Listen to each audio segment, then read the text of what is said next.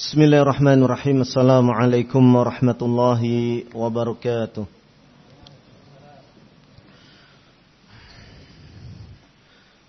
إن الحمد لله نحمده ونستعينه ونستغفره ونعوذ بالله من شرور أنفسنا ومن سيئات أعمالنا من يهده الله فلا مضل له ومن يضلل فلا هادي له. أشهد أن لا إله إلا الله وحده لا شريك له وأشهد أن محمدا عبده ورسوله. يا أيها الذين آمنوا اتقوا الله حق تقاته. ولا تموتن إلا وأنتم مسلمون. يا أيها الناس اتقوا ربكم الذي خلقكم من نفس واحدة وخلق منها زوجها وبث منهما رجالا كثيرا ونساء. واتقوا الله الذي تساءلون به والأرحام. إن الله كان عليكم رقيبا. يا أيها الذين آمنوا اتقوا الله وقولوا قولا سديدا. يصلح لكم أعمالكم ويغفر لكم ذنوبكم. ومن يطع الله ورسوله فقد فاز فوزا عظيما. أما بعد فإن أصدق الحديث كتاب الله وخير الهدي هدي محمد صلى الله عليه وعلى آله وسلم وشر الأمور محدثاتها فإن كل محدثة بدعة وكل بدعة ضلالة وكل ضلالة في النار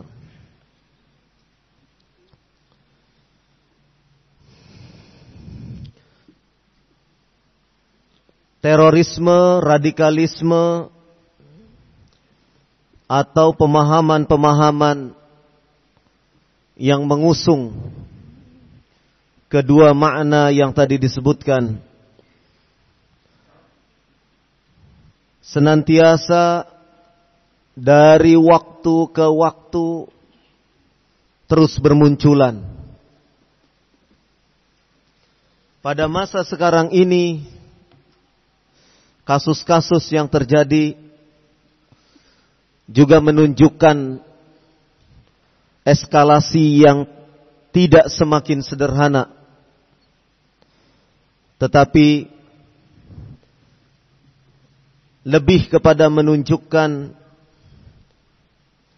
tingkat kualitas baik dari sisi keberanian, kenekatan ataupun tindakan-tindakan yang semakin tidak terkendali itu terasa lebih meningkat. Dan sasaran yang dituju pun semakin beragam tidak semata-mata orang-orang yang mereka anggap sebagai orang-orang kafir harbi. Kafir yang memang memerangi dan harus diperangi. Tetapi lebih dari itu, sasaran mereka pun ditujukan juga kepada kaum muslimin.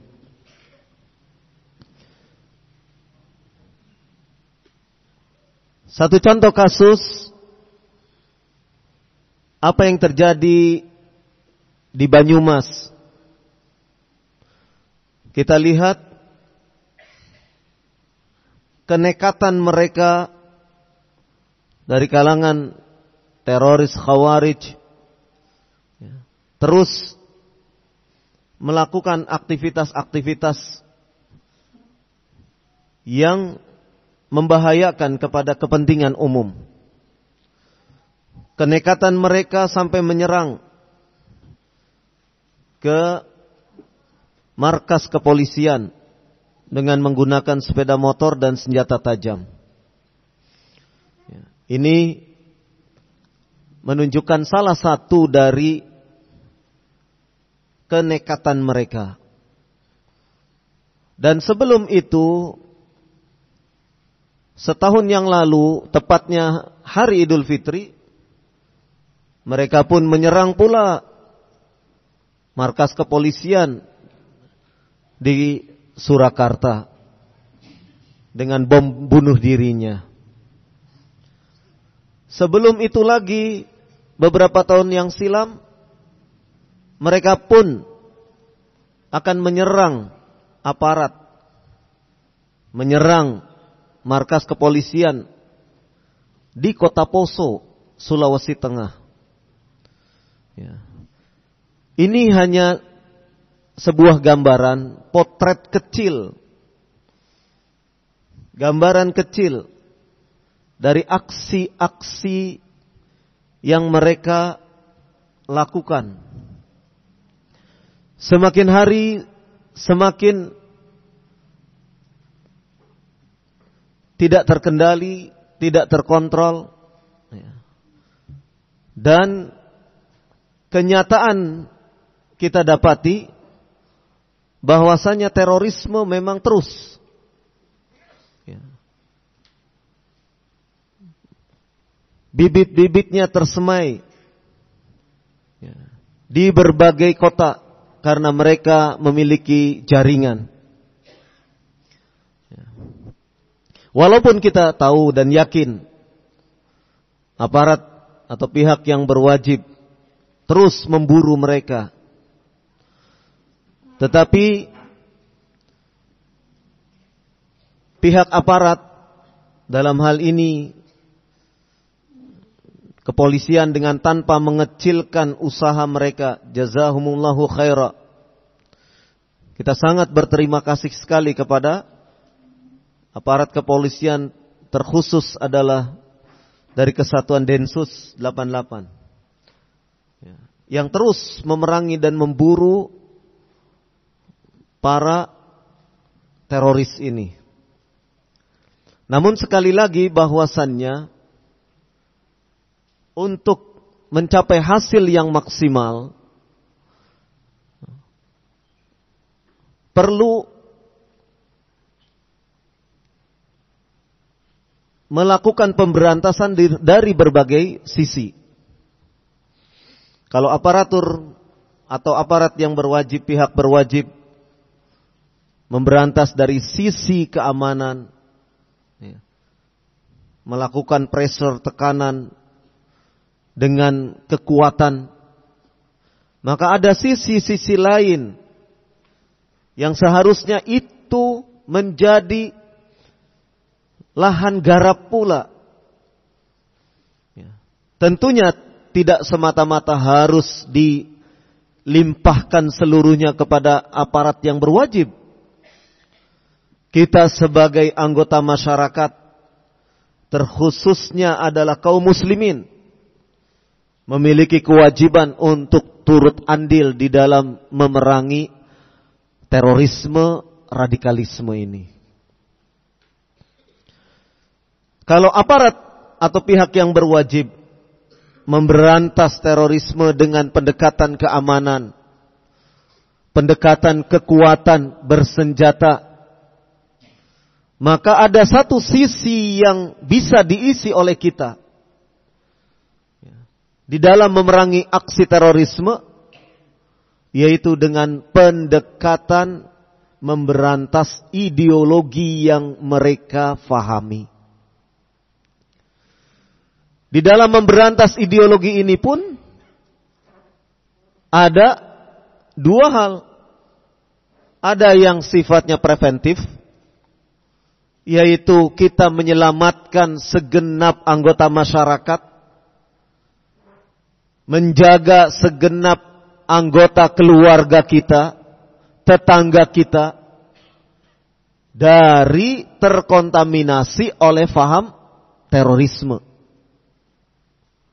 Ya. Yang kedua, tindakan yang sifatnya memang memerangi langsung pemahaman ideologi mereka. Terutama ditujukan kepada orang-orang yang telah terkena subhat pemahaman khawarij. Ya. Nah, untuk memerangi dua sisi ini, masyarakat yang belum tersentuh, ya, masyarakat yang belum tersentuh oleh pemahaman khawarij dan orang-orang yang sudah tersentuh sedikit ataupun banyak, ya, peperangannya menggunakan al-ilm. Menggunakan ilmu. Ya. Sebagaimana dulu salafun saleh sahabat yang mulia Abdullah ibnu Abbas radhiyallahu anhuma ya. setelah meminta izin kepada Khalifah Ali bin Abi Talib radhiyallahu anhu ya. Ibnu Abbas radhiyallahu anhuma datang ke kampung Harura.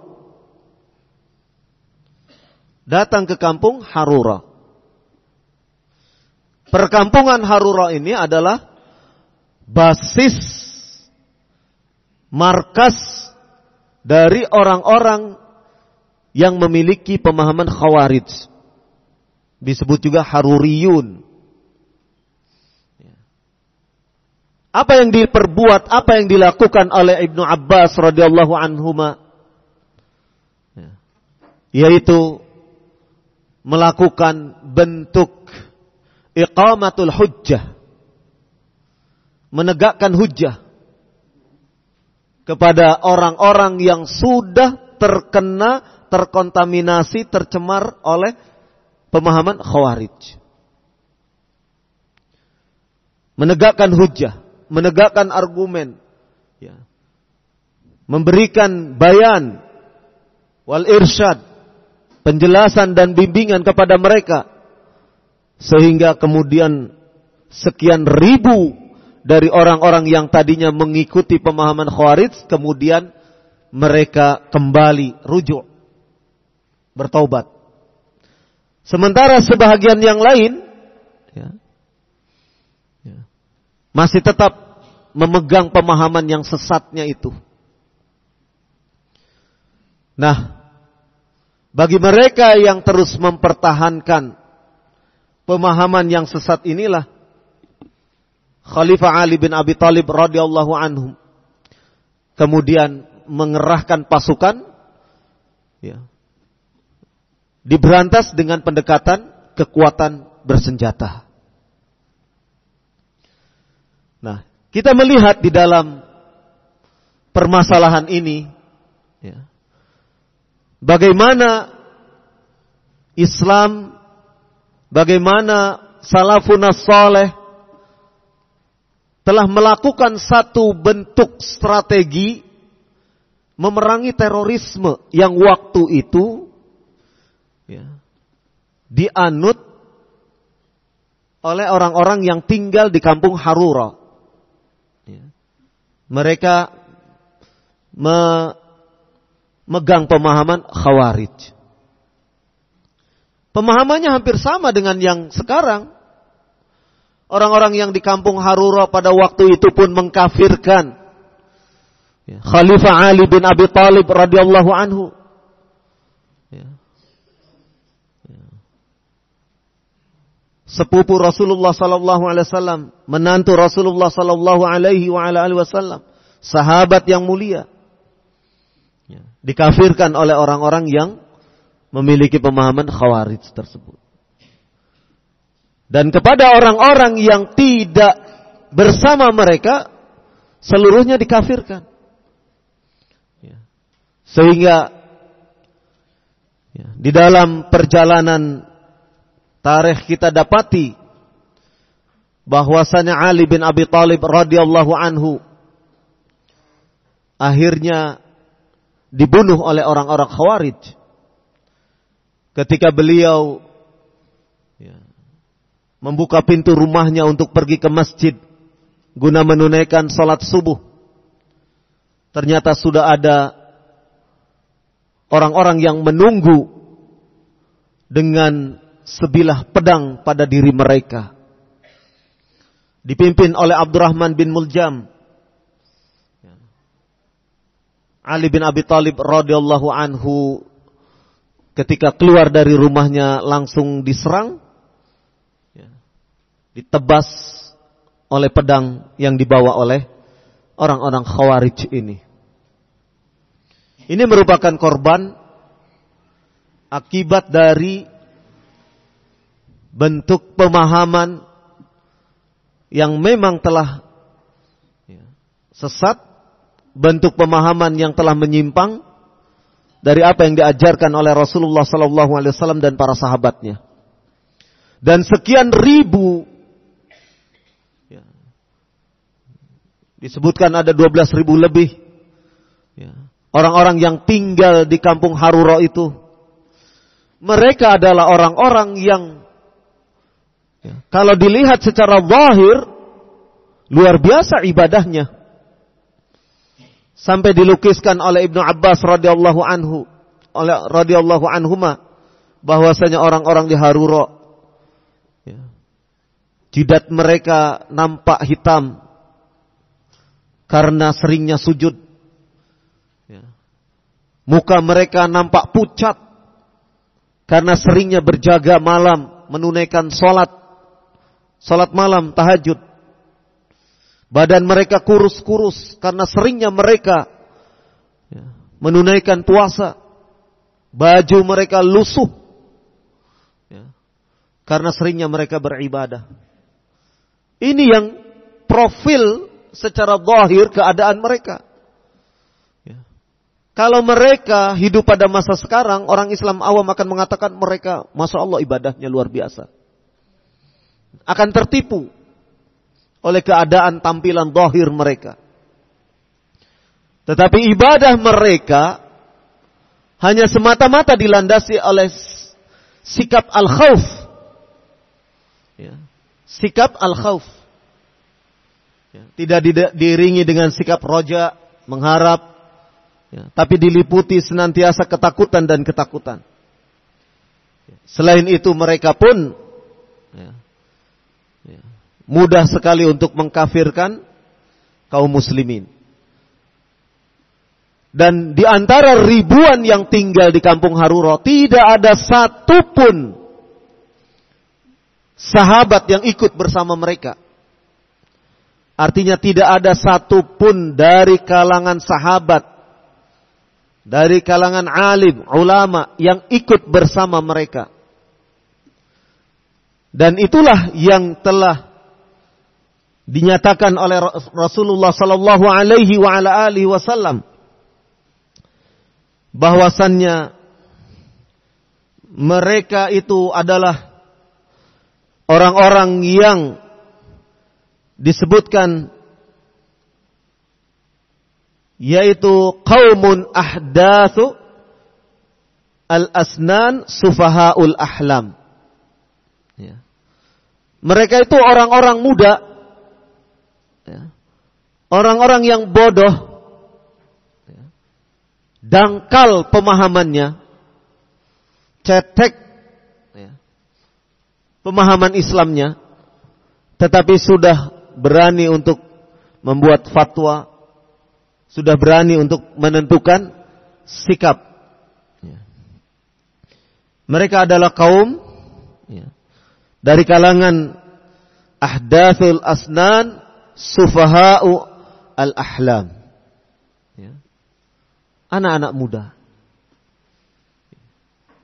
Yang belum mengenyam banyak pengalaman. Belum banyak mengenyam ilmu. Dangkal pemahaman dinnya, pemahaman agamanya. Ya. Ini yang ada pada diri mereka. Sehingga tidak ada satu orang sahabat pun. Ya. Tidak ada satu ulama pun yang bersama mereka. Dan hingga sekarang pun demikian. Ya. Mereka Tidak ada satupun ulama yang kemudian melegalisir mentazkiyah perbuatan-perbuatan mereka bahkan para ulama mengatakan apa yang mereka lakukan itu adalah sebuah kesesatan. Maka ikhwafiddin azakumullah jelaslah bahwasannya apa yang mereka perbuat kalau kita bandingkan perjalanan aksi-aksi terorisme sekarang dengan aksi-aksi terorisme yang dilakukan oleh orang-orang yang terkena pemahaman khawarij pada zaman dulu memiliki kesamaan-kesamaan yang di antara kesamaan tersebut di antaranya terkait dengan pemahaman yang mereka atau yang bercokol di tengah-tengah mereka. Maka kita perhatikan bahwasannya apa yang mereka lakukan kalangan teroris pada masa sekarang ini tidak lain adalah aksi-aksi yang menghalalkan semua cara. Aksi-aksi yang menghalalkan semua cara. Dan jangan kemudian kita beranggapan itu adalah tugas aparat atau pihak yang berwajib. Kita semua memiliki kewajiban untuk melaksanakan tugas mulia ini. Memberantas aksi-aksi terorisme. Dari sisi mana kita membantu? Dari sisi mana kita berkiprah? Ya, ta'awun untuk kemudian menolong, ya, saling membantu. Ya. Dari sisi minimalnya masyarakat mengetahui tentang bahaya ini. Bahaya radikalisme, bahaya terorisme. Bagaimana supaya masyarakat itu tahu? Ya. Kalau kita semua bisa door to door mendakwahi dari rumah ke rumah, masya Allah, Ya, tapi tentu kita tidak semua memiliki skill, memiliki kemampuan untuk bisa datang ke rumah demi rumah menjelaskan tentang terorisme. Lantas bagaimana caranya? Ya. Maka para asatidah ya, berupaya untuk bisa mendistribusikan majalah Ya, edisi khusus yang kedua. Kalau edisi khusus yang pertama yang lalu adalah tema tentang masalah komunisme, maka untuk yang edisi kedua terkait dengan masalah terorisme. Ya. Kalau kita tidak mampu ya, atau tidak memiliki, memiliki uh, karena kita memiliki keterbatasan waktu, ya, tidak bisa untuk datang door to door, dari pintu ke pintu menjelaskan tentang terorisme dan segala macam ya, kesesatannya, maka ada satu cara yang bisa kita lakukan. Mendakwahi masyarakat agar memahami apa itu terorisme, bagaimana itu terorisme. Caranya, caranya kita semua terlibat di dalam penyebaran majalah tersebut. Kalau tidak bisa berani atau tidak bisa untuk mengantarkan majalah itu ke wali kota Depok. Ada yang berani? Kalau kita tidak bisa mengantarkan majalah itu ke wali kota Depok, minimalnya tetangga kanan kiri kita diberi. Sudah wali kota tidak, tetangga kanan kiri pun tidak. Nemen kata orang Solo. Keterlaluan. Ya. Di mana tanggung jawab kita yang katanya kita adalah seorang sunni salafi. Yang katanya kita ingin menyelamatkan tidak hanya diri kita, keluarga kita, tapi masyarakat kita, tetangga kita. Ya. Tetangga kita juga memiliki ya, memiliki hak yang harus kita penuhi, yaitu terjaganya keselamatan mereka. Tidak semata-mata keselamatan barangnya dicuri oleh orang lain, tidak semata-mata itu. Yang lebih daripada itu keselamatan agamanya harus kita jaga. Tetangga yang Ada pada diri kita. Salah satu bukti kita menjaga agama tetangga kita yaitu dengan memberi majalah tersebut. Sekedar memberi, apa susahnya? Ya. Memberi kan, tidak menjual. Kalau menjual mungkin, ya, agak sedikit perlu nego kan, tawar menawar. Hanya sekedar memberi, ya. hanya sekedar memberi. Kalau besoknya mau dilanjutkan lagi, boleh. Setelah memberi dua tiga hari, datangi lagi ditanya bagaimana isi majalahnya. Nah, tes. Kan tesnya tidak perlu dikasih lembaran. Ini Pak tesnya silakan diisi titik-titik ya, multiple choice-nya silakan diisi. Kan tidak perlu begitu. Cukup kita tanya bagaimana isi majalahnya.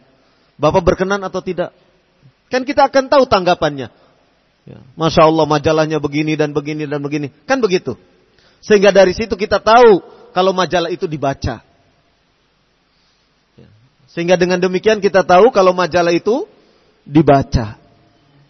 Ini di antara kiprah kita. Di antara bentuk tanggung jawab kita. Tanggung jawab sosial.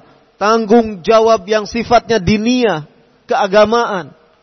Ya. Dalam rangka untuk menyelamatkan masyarakat. Agar mereka tidak tersentuh. Tidak kemudian terkontaminasi, teracuni oleh pemahaman-pemahaman teroris. Oh, masyarakat sekarang sudah pada takut sama teroris? Belum tentu. Media ini kadang mempengaruhi. Kasus Siono di Klaten, ingat? Ya. Seorang yang diduga teroris ditangkap oleh Densus, kemudian melawan, kemudian ditaklukkan, dilumpuhkan oleh Densus dan ternyata kemudian apa? Meninggal. Begitu kasus terduga teroris ini di blow up oleh media, ternyata masyarakat simpati. Ah, simpatinya ini yang harus diwaspadai. Memang masyarakat menolak aksi terorisme, tapi begitu masyarakat melihat di media, oh, kok aparat begini ya? Nah, akhirnya apa? Yang tadinya membenci aksi terorisme, tapi melihat kasus yang terjadi, masyarakat menjadi simpati. Apalagi setelah istrinya diberi uang, tidak mau, masyarakat semakin semakin apa? Semakin simpatinya semakin kuat. Lihat tuh, istrinya tidak mau diberi uang 100 juta. Tidak hanya simpati tapi empati. Ya. Itu. Kalau sudah empati kan sudah ikut merasakan susahnya keluarga yang diduga teroris ini. Ya. Sudah larut perasaannya. Ini yang dikhawatirkan. Ya. Kalau sudah tumbuh bibit-bibit semacam ini, kemudian ada pemahaman orang yang kemudian taklim memberikan pemahaman agama ya, bahwasanya pemerintah ini kafir dan seterusnya dan seterusnya, oh nyambung sudah. Yang tadinya sudah simpati, sudah empati kepada keluarga yang diduga terdakwa teroris ini, kemudian ya, disambung, dia duduk di majelis taklim, ada penceramahnya yang juga ya, menyampaikan tentang pemahaman-pemahaman khawarij. Nyambung. Ya. Ini yang sangat berbahaya. Ya. Pintu-pintu kesesatan itu sedemikian banyak. Ya. Ya. Subul, jalan-jalan untuk ya, seseorang terpengaruh oleh kesesatan itu sedemikian banyak. Nah ini yang harus kita waspadai. Ya. Mudah-mudahan dengan kita kemudian turut berkiprah membagikan majalah itu. Ya. Tidak lantas kemudian, ah itu tanggung jawab pengurus. Ya. Kasihan, sudah kurus, suruh bagikan majalah. Ya, namanya pengurus kan? Nah. Ya. Tanggung jawab kita semua. Untuk bisa mendistribusikan majalah itu ke tetangga kita, depan, belakang, kanan, kiri. Ya. Mendistribusikan kepada tokoh-tokoh masyarakat. Mendistribusikan kepada aparatur pemerintahan dari mulai tingkat desa, kepala desa, sekretaris desa. Ya. Aparat keamanan dari mulai Babinsa, Babin Kamtibmas, ya. sampai ke Polsek, sampai ke Koramil, sampai ke atas lagi Kodim, ya. Polres, terus ya. sisir semua itu hingga mereka mendapatkan ya, bahan bacaan dari ahlus sunnati wal jamaah. Nah kalau mereka mendapatkan informasinya yang salah, memerangi terorisme tapi informasinya keliru, ya, ini berbahaya juga. Ya. Akhirnya apa? Akhirnya Wahabi pun teroris. Kan begitu? Iya. Iya tidak? Iya, karena informasinya bukan dari kita. Ya. Akhirnya mengkategorikan orang-orang Wahabi pun itu adalah teroris. Karena apa? Karena yang informennya, yang suplai informasi ke aparat yang berwajib itu bukan dari kalangan ahlus sunnah, bukan dari kalangan salafiyin. Mereka tidak mengetahui apa dan bagaimana itu Syekh Muhammad bin Abdul Wahab dan dakwahnya. Ini yang harus kita cegah. Ya. Kalau kita tidak berbuat, mereka yang berbuat, ya, Bukan kemudian lantas ya, terorisme itu terfokus, tetapi malah akan melebar, bisa salah tangkap. Ya. Nanti seperti di Aljazair, semua yang berjenggot sikat, ya. semua yang menunjukkan amalan-amalan sunnah sikat. Ya. Sekarang pada taraf awal kita ini, pada taraf awal masih kita masih belum terancam ya, terancam hanya dari sisi ketidaknyamanan saja. Ya, ketidaknyamanan itu apa? Ya, ya, istri kita keluar pakai hijab, pakai apa, sudah orang umum teroris. Ini kan sebetulnya efek dari informasi yang keliru tadi. Efek dari biasnya informasi. Menerima masukan bukan dari salafiyin. Menerima masukan bukan dari ahlus sunnati wal jamaah. Sehingga apa? Sehingga menjadikan ketika memotret, meneropong siapa itu teroris, bias. Mengalami bias. Akhirnya apa? Semua yang berjubah, berjenggot, ya, istrinya bercadar, itu dia teroris. Karena bias. Informasi yang memberikan informasi keliru. Ya. Ya. Dan ini ya, sekarang yang diangkat itu adalah Wahabinya. Ya. ya. Wahabi yang diangkat karena Wahabi terus digembar-gemborkan dengan biang terorisme. Ya. Nah, ketika pemerintah, walhamdulillah ketika pemerintah kerajaan Arab Saudi menggalang ya, kekuatan ya, dari berbagai negara untuk memerangi terorisme, memerangi ISIS, Al-Qaeda, dan yang sebangsanya. Ya. Baru kemudian, ya, tadinya diarahkan bahwasanya negara Saudi adalah biang teroris, mulai tidak disebut lagi negara Saudi. Ya. Dulu selalu kalau ada terorisme kaitkan ke Saudi. Ada terorisme kaitkan ke Saudi. Intinya apa? Karena di Saudi ada pemahaman Wahabi menurut mereka. Nah, sekarang ketika Saudi sudah mengkonsolidasi sekian negara untuk memerangi terorisme, mulai negara Saudi tidak disebut. Tetapi masih disebut Wahabinya.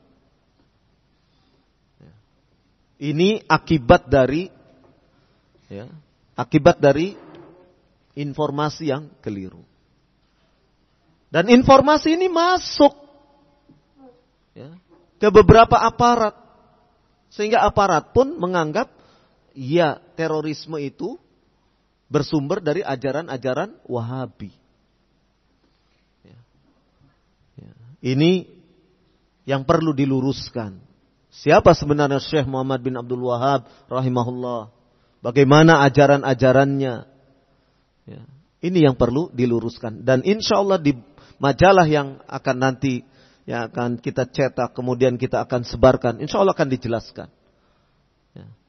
Termasuk di antaranya ya, ya, pemahaman takfir. Ya. Karena pemahaman takfir ini sekarang oleh orang-orang yang memang benci kepada Syekh Muhammad bin Abdul Wahab rahimahullah, pemahaman takfir ini di, dilekatkan ke Syekh Muhammad bin Abdul Wahab. Di dalam majalah itu nanti insya Allah akan dijelaskan. Nah ini kesempatan kita untuk mendakwahkan. Kesempatan kita untuk menyampaikan. Ini loh yang sebenarnya. Pemahaman Syekh yang dibawa oleh yang dibawa oleh Syekh Muhammad bin Abdul Wahab rahimahullah. Ini loh pemahaman ini. Ya. Dan kenapa nama Wahabi dibawa? Ini hanya karena orang-orang yang hasad. Yang memang memiliki kebencian terhadap dakwah tauhid ya, yang dibawa oleh Syekh Muhammad bin Abdul Wahab rahimahullah. Ya, tugas ini adalah tugas kita semua, tanggung jawab kita semua. Ya. Sehingga ketika kita menunaikan tugas yang mulia ini benar-benar kita memahami. Ya. Sebelum kita memberikan majalahnya kita baca dululah nanti sudah diberikan, ditanya oleh yang ini, kita malah gelagapan, nggak tahu isinya apa. Ya, baca dululah sedikit-sedikit. Iya. Ya. Nah, ini penting. Karena apa? Karena sejarah terorisme di Indonesia ini bukan setahun dua tahun baru kemarin. Bukan lima tahun, sepuluh tahun ke belakang, bukan. Sejarah terorisme di Indonesia itu sudah ada ya, pendahulu-pendahulunya dulu. Ya. Ya. Terutama dicetuskan ketika ya, Kartosuwiryo Skarmaji Kartosuwiryo ya, merekrut orang-orang yang sebenarnya dia murni berjuang ya, untuk mempertahankan, untuk memerangi penjajah ya. Ya. dengan dasar agama dengan dasar Islam sebagian mereka direkrut oleh Kartosuwiryo yang untuk kemudian terjadilah apa yang terjadi ya Kartosuwiryo memproklamirkan ya, negara Islam Indonesia ya, yang proklamasi ini pun karena ya, ketidaksetujuan dengan Waktu itu Presiden Soekarno, ya, intinya merek apa Kartosuwiryo intinya bugot melakukan pemberontakan dan bahkan memproklamirkan. Ya. Ini dari sinilah kemudian cikal bakal terus ya, sampai kepada generasi Imam Samudra, generasi ya, Ali Gufron, dan setelah mereka habis generasi berikut berikut berikutnya sampai sekarang.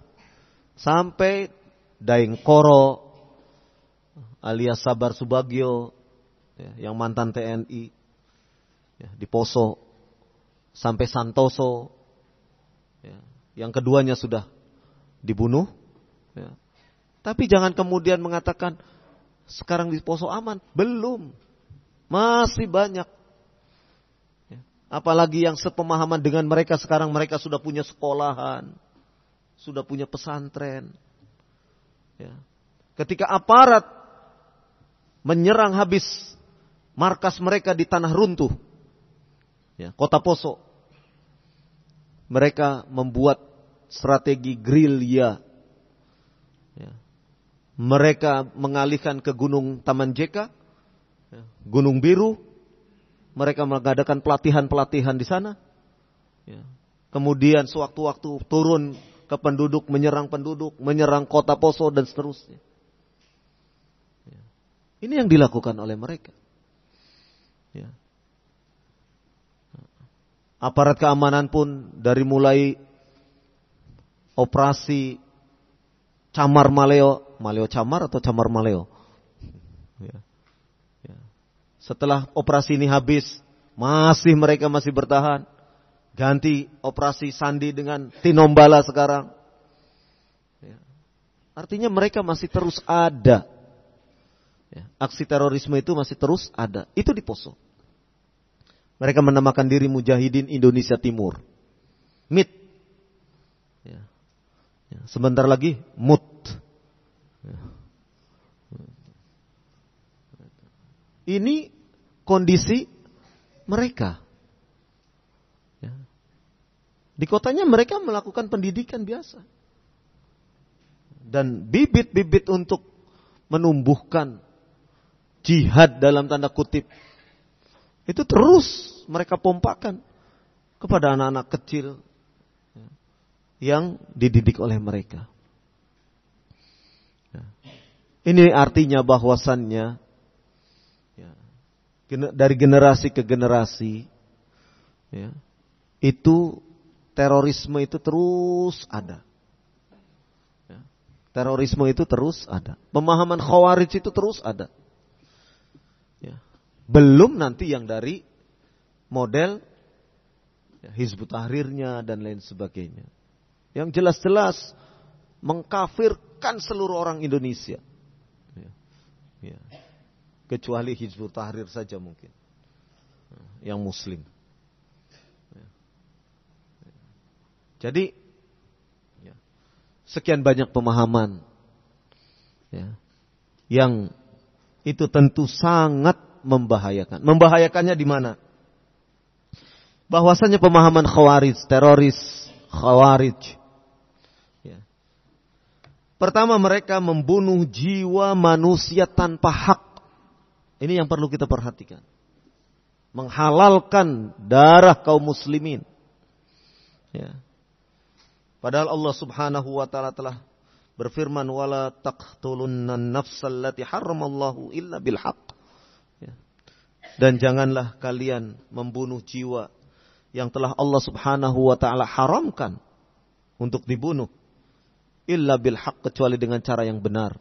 Ya, cara yang benar yaitu dengan proses pengadilan ya, dengan kisos terhadap pezina yang muksan, terhadap orang yang murtad, tentunya setelah melalui proses-proses yang dituntunkan oleh syariat. Orang-orang teroris, orang-orang khawarij, ya, bebas ya, membunuh. Peristiwa 16 Januari 2016, ya, mereka lakukan ya, di Jalan Tamrin. Ya. Jihad mereka di Jalan Tamrin, bukan di Jalan Allah. Ya. Kita kan tahu bagaimana menembaki polisi yang tidak bersenjata menembaki masyarakat sipil yang tidak ada persiapan untuk berperang. Ya. Mereka lakukan itu. Ya. Membunuh dengan tanpa hak. Ya. Kenapa mereka bisa membunuh seperti itu? Karena mereka sudah memiliki pemahaman bahwasannya orang-orang yang dibunuh itu halal darahnya. Kan ini pemahaman yang sangat berbahaya. halal darahnya. Halal untuk ditumpahkan. Ya. Nah, kalau sudah seperti ini, ya, pantas apabila kemudian aparat diserang, pantas kemudian masyarakat sipil yang tidak tahu menahu pun diserang. Bisa serangannya dengan senjata api, bisa dengan bom-bom rakitan ya, yang mereka buat. Ya. Intinya bagaimana supaya orang itu terbunuh. Ini aksi teroris yang seperti ini. Waliyadzubillah. Kita perlu untuk menyadarkan masyarakat. Terkhusus kaum muslimin. Ya. ya mereka sekarang sadar terorisme itu bahaya. hanya sampai di situ. Terorisme itu bahaya. Bahaya, itu saja. Tapi di mana letak bahayanya, di mana letak kesesatannya, itu mereka tidak tahu. Karena mereka tidak pernah diberi ilmu tentang itu. Di mana letak kesesatan terorisme itu? Yang mereka tahu cuma terorisme itu suka membunuh, itu saja. Suka menumpahkan darah, itu saja. Tetapi yang melatar belakangi sehingga mereka mau bersikap seperti itu, itu mereka tidak tahu. Bahkan mungkin aparat pun banyak yang tidak tahu. Hanya beberapa saja aparat. Oh kami ditogutkan. Kan begitu. Sehingga halal darahnya. Ya. Mungkin itu saja. Ya. Nah oleh karena itu perlu kita memberikan pencerahan kepada masyarakat. Perlu kita memberikan pencerahan kepada masyarakat. Melalui apa? Ya kalau bicara ya, bilisan, ya, individu per individu mungkin waktunya terlalu banyak. Ya sudah kita bantu dengan majalah yang akan disebarkan nanti. Dan penyebaran ini mulai sekarang sudah mulai dirancang oleh kita. Siapa nih tetangga kita yang nanti akan dapat? Ya. ya. Saya mau pertemuan RT, peserta RT misalnya 20, siapkan majalahnya. Kan dibagi gratis ini. Iya. Bagi gratis kan?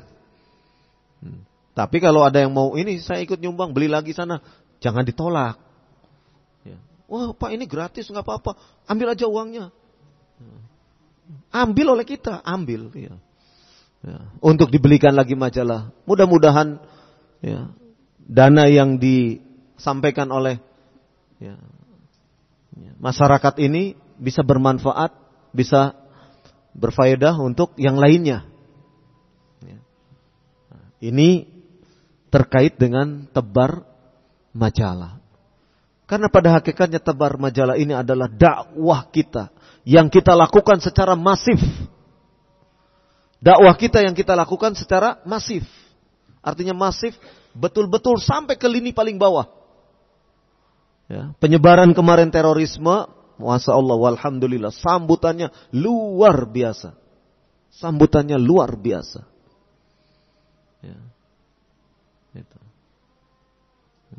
Nah, bagi kita, ya, untuk proses tahap kedua ini benar-benar harus dipersiapkan, dipetakan. Ya, dipetakan. Mana yang nanti sekiranya akan mendapatkan pendistribusian majalah ini. Karena apa? Karena ini terkait dengan dakwah kita.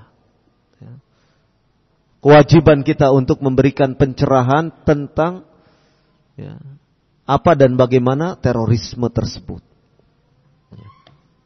Mau adzan dulu silahkan.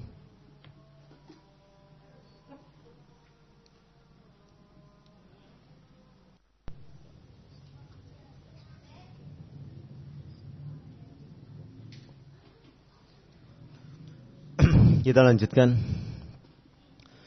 Yang kedua, akibat daripada aksi-aksi teror yang ada, ya, sebagaimana teror itu sendiri diartikan di dalam kamus besar bahasa Indonesia. Tindakan teror itu adalah tindakan kekerasan yang menyebabkan orang itu atau masyarakat, kelompok satu kaum itu mengalami ketakutan, kengerian, kekejaman dan yang lainnya baik dilakukan oleh perseorangan ataupun kelompok. Padahal ajaran Islam sebagaimana sabda Nabi sallallahu alaihi wasallam dalam sebuah hadis yang sahih riwayat Abu Dawud Nabi sallallahu alaihi wasallam menyebutkan la yahillu li muslimin ayyurawwi'a musliman ya. Bahwasanya tidak halal bagi seorang muslim ya, menciptakan rasa takut bagi muslim yang lainnya. Ya. Akibat dari aksi-aksi terorisme, ya, kaum muslimin ya, tumbuh ya, rasa takut. Mau belajar agama saja takut. Ini terjadi nih. Akibat terorisme ini terjadi. Ya. Betul-betul terjadi. Ya. Ya. Di Solo ini kan kita membina anak-anak SMA. Ya. Nah, setelah anak-anak SMA itu taklim, kan terjadi perubahan sikap. Yang tadinya pakaiannya di, di bawah mata kaki, terus berubah jadi di atas mata kaki. Yang tadinya mungkin ibadahnya ya sekedar sholat-sholat biasa, sekarang di rumahnya kalau malam dia bertahajud, sering puasa sunnah. Intinya perubahan sikap sedemikian kentara sekali, nyata sekali. Orang tuanya melihat perubahan pada diri anaknya ini. Bukan kalau seharusnya, seharusnya orang tua kan senang lihat perubahan yang positif pada diri anak. Masya Allah sekarang kok anak saya jadi alim gitu kan. Anak saya sekarang jadi senang beribadah. Kan harusnya senang. Anak saya sekarang kok rajin puasanya. Semestinya orang tua itu senang. Begitu kan? Ya. Tapi akibat dari aksi terorisme ini. Orang tua bukan senang. Tapi malah apa? Curiga. Wah, anak saya belajar di mana ini? Itu sampai sedemikian rupa. Kenapa timbul curiga? Karena takut anaknya terjerat kepada jaringan teroris. Lihat, untuk belajar agama saja sampai harus timbul rasa takut. Ini dampak yang dahsyat dari adanya terorisme. Padahal sebagaimana tadi disebutkan oleh Rasulullah Wasallam, tidak halal bagi seorang Muslim untuk menakut-nakuti Muslim yang lain. Tapi akibat dari terorisme ini, ya, akhirnya orang tumbuh curiga. Ya, anak saya belajar agama di mana? Ya, jangan-jangan anak saya ikut taklim yang itu jaringannya teroris. Ya. Ini kan sebuah hal yang sangat tidak kita inginkan. Orang belajar agama semestinya orang tua itu gembira, bahagia, anaknya kok semakin hari semakin soleh, semakin baik. Ya, tapi kok ini malah orang tua curiga. Orang tua kok malah jadi takut. Ya. Kata orang Solo, gek gek. Nah, gek gek. Nah, kata orang Depok, jangan-jangan, jangan-jangan. Ya, jangan-jangan dia belajar sama ya, jaringan teroris itu. Jangan-jangan dia terkena pemahaman ini dan itu. Ini kan sebuah situasi yang tidak menguntungkan bagi dakwah. Ya kalau orang tuanya bijak, meneliti, ya. Ya kalau yang putra mungkin tidak terlalu ini ya. Yang putri ini wah langsung berubah, berhijab dan lain sebagainya. Kaget orang tua. Ya. Bahkan ada yang sampai mengadukan ke gurunya, gurunya akhirnya curiga. Ini siapa ini yang ngajari anak-anak ini? Akhirnya semua terlibat, semua mengalami ketakutan. Ini sesuatu yang tidak sehat kehidupan bermasyarakat seperti ini. Agama dijadikan bahan bahan yang menakutkan masyarakat. Ya. Ini yang menjadikan akhirnya masyarakat lari dari agama. Lari dari agama, bukannya agama itu didekati untuk kemudian dipelajari. Bukannya kemudian orang setelah mempelajari agama kemudian mendapatkan satu bentuk kenikmatan, kenyamanan. Ya. Keberkahan dari mempelajari ilmu, ulumuddin. Ya. Ini malah kebalikannya. Ini dampak dari aksi terorisme. Ya jangan jauh-jauh lah. Mungkin kita nanti di tempat kerja. Uh, celananya sudah mulai naik ini. Kamu ikut-ikut teroris ya? Nah. Kamu ikut-ikut radikal ya?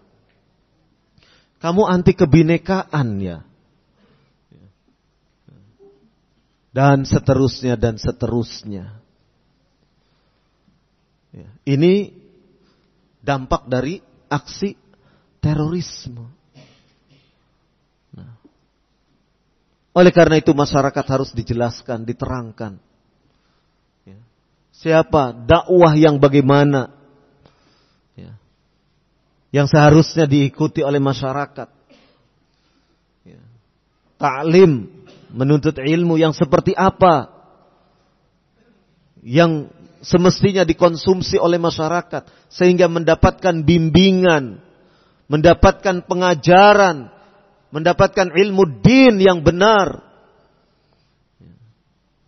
Ini tugas kita untuk menyampaikan. Kesempatan nanti kalau majalah itu sudah datang, tebarkan seluas-luasnya.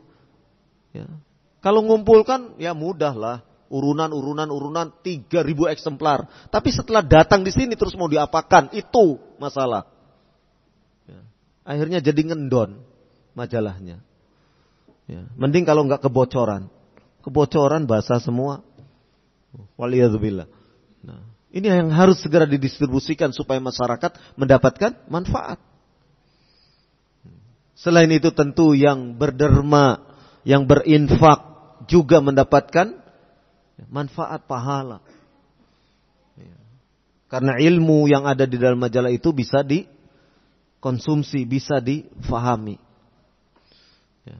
Ya. Nah, jadi bahaya terorisme di antaranya menumbuhkan rasa takut. Ya. Kemudian dengan terorisme itu sendiri merupakan tindakan memberontak terhadap penguasa kaum muslimin. Ya. Aksi-aksi terorisme ya. bahkan sampai pada tataran mengkafirkan penguasa kaum muslimin. Ya. Kita masih ingat dulu ya, Abu Bakar Ba'asyir mengkafirkan Presiden Susilo Bambang Yudhoyono waktu itu. Sampai sejauh itu. Ya. Karena sudah dikafirkan ya diberontak akhirnya. Memberontak. Padahal Allah Subhanahu wa taala telah berfirman, "Ya ayyuhalladzina amanu Allah wa ati'ur rasul wa ulil amri minkum." Ya. ya. Rasulullah sallallahu alaihi wasallam sendiri sudah mengingatkan untuk as-sa'u wa ta'ah. Ya. Hendaknya kalian mendengar dan taat kepada penguasa Walaupun penguasa itu adalah seorang abdun habasyun. Seorang hamba habasyi. Ya. Hendaknya ditaati. Ya. Nah, ini perintah-perintah agama. Ya. Tapi teroris menghalalkan darah. Ya. Aparat-aparat yang muslim pun oleh mereka dihalalkan darahnya untuk dibunuh. Ya. Dan aksi-aksi mereka aksi-aksi pengecut, ya. Seperti yang dulu mereka menembak polisi yang jaga di pos ya, di kota Solo. Ya. Malam Lebaran dekat mendekati malam, besoknya Lebaran. Ya. Melemparkan granat di pos pos apa namanya pos ketupat itu sandinya itu ya untuk pengamanan lebaran ya. membunuh polisi yang jaga yang mau pulang sudah waktunya pulang yang tidak bersenjata atau yang terakhir kemarin di Tuban ya, nembak polantas yang tidak membawa senjata ya. itu aksi-aksi mereka yang karena mereka bagi mereka sudah halal darah aparat terkhusus aparat kepolisian Ya, sudah menghalalkan. Mereka sudah tidak memandang lagi aparat itu muslim atau tidak muslim. Ya, kalaupun tidak muslim, apakah memang layak untuk dibunuh? Itu permasalahannya. Ya, harus dikaji lagi. Dia kafir harbi atau bukan? Kan begitu. Ya. Nah ini hal yang perlu untuk kita bersama-sama ya, benar-benar untuk masyarakat tahu ya, betapa berbahayanya pemahaman terorisme. pemahaman radikalisme. Bagi kita-kita mungkin sudah biasa ya, baca di majalah syariah biasa sudah terorisme ini. Tetapi bagi yang lain, masyarakat yang lain, mereka perlu suntikan ilmu. Yang ilmu itu berasal dari ya, ahlus sunnah wal jamaah. Yang ilmu itu berasal dari as-salafiyin. Dari salafiyin. Ya. Jangan kemudian ya, informasi-informasi itu dari orang lain yang kemudian menjadikan pemahamannya semakin tidak ya, tidak benar. Ya. Sudah salah diberi pemahaman yang menyesatkan. Ya. Akhirnya nanti sebagaimana yang tadi saya sampaikan. Jadi di antara sikap yang membahayakan ya, gerakan terorisme ini adalah sikap memberontak kepada penguasa kaum muslimin. Ya, mereka sudah sedemikian rupa untuk menghalalkan darah aparat pihak berwajib. Ya, Ya, bom-bom sengaja yang mereka rakit sengaja mereka ledakkan. Ya, di Polres Poso, ya, bahkan di masjid, ya, di masjid Polres Cirebon, ya, waktu sholat Jumat. Lihat, sedemikian berbahayanya. Ya, di dalam masjid yang semestinya aman, mereka lakukan juga aksi teror itu. Ya, luar biasa ya, akibat rusaknya pemikiran ya, para teroris ini. Ya. Di Polres Banyumas, ya, di Surakarta, ya, Solo, dan di beberapa tempat lainnya. Ya. Nah, kita berpikir ke depan, anak-anak kita juga, ya, anak-anak kaum muslimin, harus kita selamatkan dari aksi-aksi terorisme ini. Kemudian orang-orang teroris ini pun ya, menyelewengkan makna jihad. Ya. Mereka mengaku-ngaku sebagaimana namanya Mujahidin Indonesia Timur. Namanya saja Mujahidin, orang yang berjihad. Ya. Tetapi makna jihad mereka konotasinya senantiasa angkat senjata. Ya. Padahal yang namanya jihad sangat luas sekali. Dalam sebuah hadis yang disahihkan oleh Syekh Mukmil bin Had bin Hadi Al-Wadi rahimahullah dalam Sahihul Musnad disebutkan hadis riwayat Al-Bazzar Al-Mujahid man jahada nafsahu fi taatillah. Yang namanya orang yang berjihad ya, adalah man jahada nafsahu fi taatillah. Orang yang bersungguh-sungguh berjihad jiwa jiwanya di dalam menaati Allah Subhanahu wa taala. Itu mujahid. Jadi tidak semata-mata mengangkat senjata. Orang yang talabul ilm juga mujahid. Orang yang berjihad. Ya. Dan sekian banyak pengertian tentang jihad. Tidak semata-mata jihad itu hanya angkat senjata. Tidak semata-mata jihad itu berperang. Ya. Dengan senjata di tangan. Tidak. Ya. Maka orang-orang yang mengecilkan pengertian jihad hanya dalam taraf angkat senjata itu disebutkan oleh Abu Darda radhiyallahu anhu bahwasannya orang yang demikian faqad naqasa fi ra'yihi wa aqlihi maka sungguh mereka ini orang yang kurang akalnya kurang pemikirannya ya dengan bahasa Nabi Shallallahu Alaihi Wasallam tadi orang yang dangkal, cetek cara berfikirnya. Ya. Nah, sehingga akibat dari salah memahami jihad, ya, visabilillah, maka kemudian mereka terjerumus, terjatuh kepada pemahaman yang sesat, pemahaman yang keliru tadi. Maka ikhwah fiddin azakumullah Ya, di sinilah pentingnya kita bertawun ya, untuk bersama-sama memerangi, menangkal aksi-aksi terorisme ini. Kalau kita menangkal dari sisi memantapkan pemahaman kaum muslimin pada pemahaman di atas al-haq, ini adalah sisi yang sangat strategis. Karena kalau kaum muslimin sudah faham benar tentang apa dan bagaimana, siapa itu teroris, ya. Apa itu pemahaman terorisme, kaum muslimin sudah faham, ya. disertai dengan pemahaman agama yang benar, yang menjadi fondasi adalah pemahaman agama yang benar, pemahaman Islam yang benar. Maka insya Allah dengan izin Allah subhanahu wa ta'ala mereka tidak akan goyah. Tidak akan terkena subhat-subhat, kerancuan-kerancuan ya, dari cara pandang kaum teroris. Ya. Atau orang-orang yang ya, me, ya, menebarkan pemahaman-pemahaman. Jangan dikira sekarang Oh, tempatnya di daerah pelosok sana. Tidak akan tersentuh oleh pemahaman terorisme. Belum tentu. Ya. Saya punya kenalan, orangnya baik-baik, tapi ternyata dia berangkat ke Syria. Gabung dengan ISIS. Padahal sebelumnya dia anak yang ya jarang bergaul ke mana-mana. Ternyata dia mengakses internet. Dari situ dia dapat pemahamannya.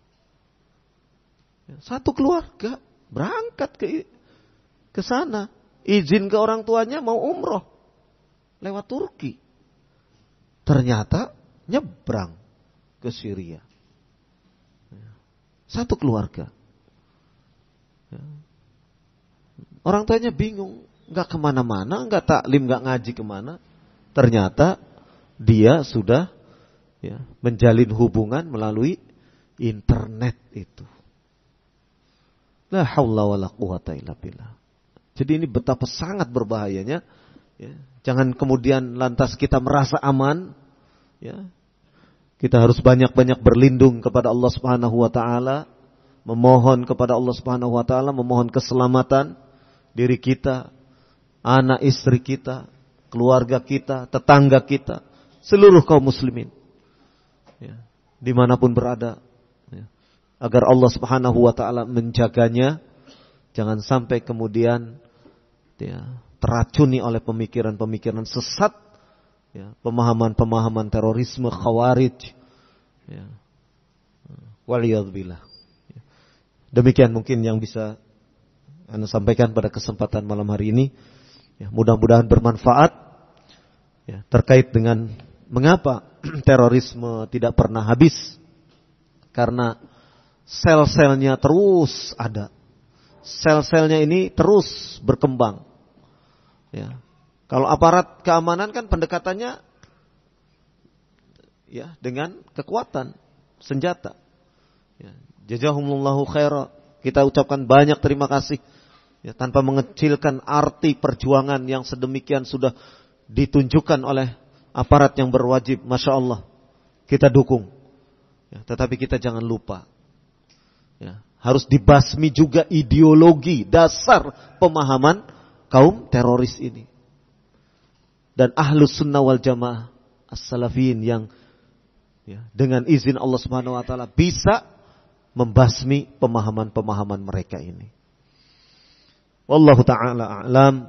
Ya, subhanakallahumma wa bihamdik asyhadu an la ilaha illa anta astaghfiruka wa atubu ilaik. Wa sallallahu ala nabiyyina Muhammad walhamdulillahi rabbil alamin.